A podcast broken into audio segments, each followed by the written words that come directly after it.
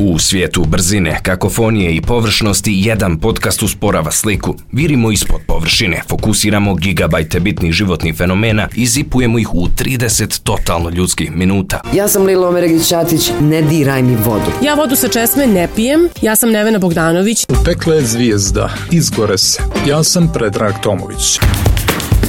Zip, zaviri ispod površine, podcast Radija Slobodna Evropa, regionalni je autorski podcast u kojem pokušavamo da bolje razumijemo ljude, društva, pojave, fenomene svakodnevnog života, ali i one koji opstaju kroz život i vrijeme. Nije živjeti i preživljavati nije isto. Kakav evropski gigant, kakav, u čemu smo prvi? Po zagađanosti smo sa prvi, što to ne izađu da kažu? Indeks zraka kvalitete 400 i bježi mandal penđer. Ukupno 18 jezera čine gorske okši. Aktivizam ili optimizam? I jedno i, I jedno i drugo, aktivizam Može li uvek. jedno i drugo zajedno? Aktivni optimizam. Pa, na skali od 1 do 5, od, od 5 do 10, navike čitanja su Od 1 do 10, 8. Ne, od 1 do 5, 4. ok. Dočekam da se vi udate pa da...